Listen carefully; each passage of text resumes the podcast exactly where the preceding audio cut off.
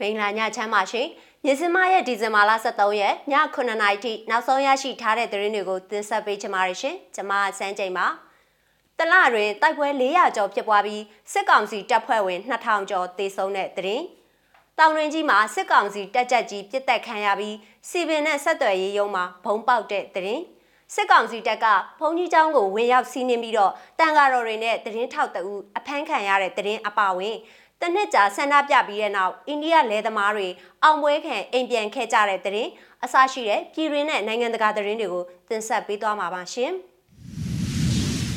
ပထမဆုံးသတင်းအနေနဲ့တလတွင်တိုက်ပွဲ400ကျော်ဖြစ်ပွားပြီးစစ်ကောင်စီတပ်ဖွဲ့ဝင်2000ကျော်တေဆုံးတဲ့သတင်းကိုတင်ဆက်ပေးချင်ပါတယ်ရှင်။ နိုဝင်ဘာလ၁ရက်ကနေဒီဇင်ဘာလ6ရက်ထိကာလတွင်တိုက်ပွဲပေါင်း400ကျော်ဖြစ်ပွားခဲ့ပြီးစစ်ကောင်စီတပ်ဖွဲ့ဝင်2000ကျော်တေဆုံးခဲ့ကြောင်းအမျိုးသားညီညွတ်ရေးအစိုးရကပြည်ထရေးနဲ့လူဝင်မှုကြီးကြပ်ရေးဝန်ကြီးဌာနကထုတ်ပြန်ကြောင်း BAP ရဲ့သတင်းသပုတ်မှာဖော်ပြထားပါတယ်။အဆိုပါကာလတွင်တိုက်ပွဲ438ကြိမ်ဘုံပေါက်ကွဲမှု380ဖြစ်ပွားခဲ့ပြီးတော့စစ်ကောင်စီတပ်ဖွဲ့ဝင်2118ဦးသေဆုံးပြီး682ဦးထိခိုက်ဒဏ်ရာရရှိခဲ့ကြောင်းဆိုပါတယ်။ တိုက်ပွဲဖြစ်ပွားမှုအများဆုံးဟာစကိုင်းတိုင်းဒေသကြီးဖြစ်ပြီးစုစုပေါင်း182ကြိမ်ဖြစ်ပွားခဲ့ပါတယ်။ဘုံပေါက်ကွဲမှုအများဆုံးဟာရန်ကုန်မှာဖြစ်ပွားခဲ့ပြီးစုစုပေါင်း138ကြိမ်ဖြစ်ပါတယ်။အမျိုးသားညီညွတ်ရေးအစိုးရကစက်တင်ဘာလ9ရက်မှာခုခံတော်လှန်စစ်ကိုကြေညာထားခဲ့ပြီးဖြစ်ပါတယ်ရှင်။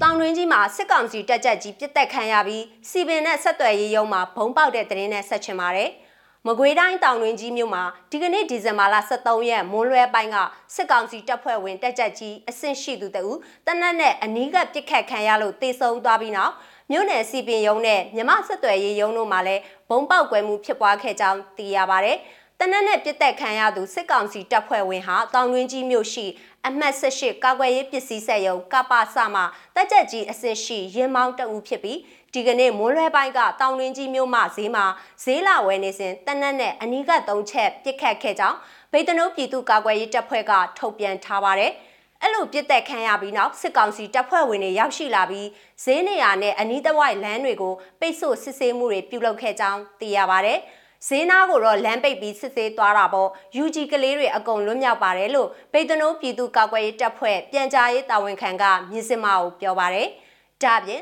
စစ်ကောင်စီတပ်ဖွဲ့ဝင်တွေတက်ဆွဲထားတဲ့တောင်တွင်ကြီးမြို့မြမဆက်သွယ်ရေးရုံးမှာလည်းဒီကနေ့ဒီဇင်ဘာလ23ရက်နေ့မွန်းတဲ့12နာရီကဘုံပေါက်ကွဲမှုတစ်ခုဖြစ်ပွားခဲ့ပြီးတစ်ချိန်တည်းမှာမြို့နယ်စီပင်ရုံးမှာလည်းဘုံပေါက်ကွဲမှုတစ်ကြိမ်ဖြစ်ပွားခဲ့ပါတယ် ဒီတိုက်ခိုက်မှုတွေနဲ့ပတ်သက်လို့စီပင်ဝန်ထမ်းတွေဟာအတန်တိတ်တပိန်းနေ့မှာပါဝင်ခဲ့ကြတဲ့ဈေးဆိုင်ပိုင်ရှင်တွေကိုဖိအားပေးချင်းချောက်မှုတွေလှုပ်ဆောင်နေတဲ့အတွက်ဘုံနဲ့တိုက်ခိုက်ခဲ့တာဖြစ်တယ်လို့ပိတ်တနိုးပြည်သူ့ကာကွယ်ရေးတပ်ဖွဲ့ကပြောပါတယ်။တောင်ရင်းကြီးမြို့နယ်စီပင်ရုံးနဲ့မြမဆက်သွယ်ရေးရုံးဘုံပေါက်ကွဲမှုတွေမှာထိခိုက်မှုအခြေအနေကိုမသိရသေးပါဘူး။ဒီဖောက်ခွဲမှုကိုဗေဒနိုးနယ်မြေပြည်သူ့ကာကွယ်ရေးတပ်ဖွဲ့နဲ့ MDA နဂါးတပ်ဖွဲ့အမကွေးတို့ပူးပေါင်းလှုပ်ဆောင်ခဲ့တာဖြစ်ပြီးစစ်အာဏာရှင်စနစ်အမြင့်ပြုတ်တဲ့အထိတိုက်ခိုက်သွားမှာဖြစ်ပြီးတော့ပြည်သူလူထုအနေနဲ့ပူးပေါင်းပါဝင်ကြဖို့မေတ္တာရက်ခံထားပါတယ်ရှင်။မုံရွာမြို့နယ်ကသတင်းကိုလည်းတင်ဆက်ပေးချင်ပါတယ်။စကိုင်းတိုင်းမုံရွာမြို့နယ်အလုံမြို့မှာရှိတဲ့ဖုန်ကြီးကျောင်းတစ်ကျောင်းကိုစစ်ကောင်စီတပ်ဖွဲ့တွေကဝင်ရောက်စီးနင်းပြီးတန်ကာတော်၄ပါးနဲ့လူပုတ်ကို၈ဦးကိုဖမ်းဆီးသွားရာ Regional News Agency မှသတင်းထောက်ကိုမင်းတိုက်ထွန်းပါဝင်ကြောင်းဒေသခံတွေကပြောပါရယ်မနေ့ကဒီဇင်ဘာလ12ရက်နေ့လယ်2နာရီခန့်မှာစစ်ကောင်စီအင်အား200နီးပါးဟာချမ်းသာကြီးဖုန်ကြီးကျောင်းကိုဝင်ရောက်စီးနင်းပြီးဖမ်းဆီးခဲ့တာဖြစ်ပါတယ်။ စစ်ကောင်စီတပ်ဖွဲ့တွေဟာဖုန်ကြီးကျောင်းကနေကားတစ်စီးဆိုင်ကယ်6စီးနဲ့ငွေသား3သိန်းခန့်ကိုတင်ဆက်ပြီးတနက်ပစ်ဖောက်ပြီးတော့ရိုက်နှက်ဖမ်းဆီးသွားတာဖြစ်ကြောင်းဒေသခံကဆိုပါတယ်။အဲ့ဒီအဖမ်းခံရသူတွေစီကလက်လုံတနက်နဲ့လက်လုံမိုင်းတွေတင်ဆက်ရမိကြောင်းစစ်ကောင်စီဝါရဖြန့်52 News လူမှုကွန်ရက်စာမျက်နှာမှာဖော်ပြထားပါတယ်။ ကိုမင်းတိုက်ထွန်းဟာမုံရွာအခြေစိုက် Regional News Agency online သတင်းဌာနမှသတင်းထောက်ဖြစ်ပြီးစစ်ကောင်စီရဲ့ဥပဒေချိုးဖောက်မှုစစ်ရာဇဝတ်မှုနဲ့မြေပြင်မှာဖြစ်ပျက်နေတဲ့သတင်းတွေကိုရေးသားတင်ပြနေသူတဦးဖြစ်ကြောင်းသူနဲ့နီးစပ်သူတဦးကပြောပါရယ်အခုအဖမ်းခံထားရသူတွေကိုဘယ်နေရာကိုခေါ်ဆောင်သွားတယ်ဆိုတာကိုတော့မသိရသေးဘူးလို့သူကထပ်မံပြောဆိုပါရရှင်နိုင်ငံတကာဘက်မှာတော့ တနစ်ကြာဆန္ဒပြပြီးတဲ့နောက်အိန္ဒိယလယ်သမားတွေအောင်ပွဲခံအိမ်ပြန်ခဲ့ကြတဲ့သတင်းကိုလည်းကြည့်ရှုနားဆင်ကြရအောင်ပါရှင်။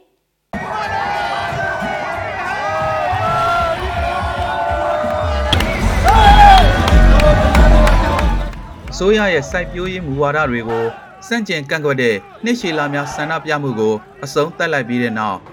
အိန္ဒိယလယ်သမားထောင်ပေါင်းများစွာဟာ မိမိတို့ပစ္စည်းပစ္စယတွေကိုထုတ်ပိုးပြီးယာယီတဲတွေဖြတ်သိမ်းကဒီဇင်ဘာလ17ရက်စနေနေ့ကပျော်ရွှင်စွာနဲ့အိမ်ပြန်ခဲ့ကြပါတယ်။ပြီးခဲ့တဲ့လအတွင်းကရှားရှားပါးပါးအလျှော့ပေးလိုက်လျောမှုအဖြစ်ဝန်ကြီးချုပ်နာရင်ဒရာမိုဒီဟာနိုင်ငံရဲ့စိုက်ပျိုးရေးကဏ္ဍကိုပုဂ္ဂလိကကုမ္ပဏီတွေလက်ထဲကိုဝါကွက်အပ်လိုက်ခြင်းလို့လယ်သမားတွေယူဆတဲ့အငင်းပွားပွဲရာဥပဒေ3ရပ်ကိုဖျက်သိမ်းလိုက်ကြောင်းလွှတ်တော်ကနေတိုက်တွန်းကြေညာခဲ့ပါတယ်။ရာနဲ့ချီတဲ့လယ်သမားတွေဟာစနေနေ့အစောပိုင်းကလမ်းပိတ်ဆို့မှုတွေကိုဖယ်ရှားပြီးအဓိကလမ်းမကြီးတစ်လျှောက်ကယာယီတဲထောင်ပေါင်းများစွာကိုဖျက်သိမ်းပြီးအောင်ပွဲခံကကခုံနေခဲ့ကြပါတယ်။မီရှူမီပန်းတွေထွန်းညှိပြီးအချင်းချင်းပွေ့ဖက်ကချိုးချင်းတွေဝင်ကစားသုံးကြရင်ကအတန်ချက်ဆက်တွေနဲ့မျိုးချစ်စိတ်ဓာတ်နဲ့တော်လန်ရေးသချင်းတွေဖွင့်ခဲ့ကြပါတယ်။စင်ကူကဆန္ဒပြနေရာတစ်ခုကနေပြန်လာတဲ့လော်ရီကားတွေနဲ့လက်တော်ဆက်အတန်းရှည်ကြီးတစ်ခုက၎င်းတို့ရဲ့မွေးရမြေဖြစ်တဲ့ဟာယာနာနဲ့ပန်ချက်ပြည်နယ်တွေရှိရာမြောက်ပိုင်းစီကိုဥတီသွားနေတာကြောင့် အဝေးပြေးလမ်းမကြီးတစ်လျှောက်ပြည့်ကျက်နေပါတယ်။အိန္ဒိယမှာလယ်သမားတွေရဲ့နိုင်ငံရေးအရာရေးပါမှုဟာ၎င်းတို့ရဲ့များပြားလာတဲ့အရေးအတွက်ကြောင့်အင်အားကြီးမားပါတယ်။2020ခုနှစ်နိုဝင်ဘာလကစတင်ခဲ့တဲ့ထောင်ပေါင်းများစွာသောလယ်သမားတွေရဲ့လေယာမြေဥပဒေစန့်ကျင်ရေးဆန္ဒပြမှုဟာမိုဒီအစိုးရအတွက်အာဏာရလာခြင်းကလေးကရင်ဆိုင်ခဲ့ရတဲ့အကြီးမားဆုံးစိန်ခေါ်မှုတစ်ခုဖြစ်ပါတယ် ਬਈ ਸਰਕਾਰ ਨੇ ਸਾਡੀਆਂ ਮੰਗਾਂ ਮਾਲੀਆਂ ਜੀ ਬਹੁਤ ਖੁਸ਼ ਹਾਂ ਅਸੀਂ မရမချင်းဆန္ဒပြသွားဖို့ကျုပ်တို့ဆုံးဖြတ်ထားတာအခုလိုအစိုးရဘက်ကကျုပ်တို့တောင်းဆိုမှုတွေကိုလက်ခံပြီးနေရက်ပြန်လာရတာကိုပြောပါတယ်လို့စင်ကူဆန္ဒပြသူတူဖြစ်တဲ့စာဒီဘင်ဒါဆင်က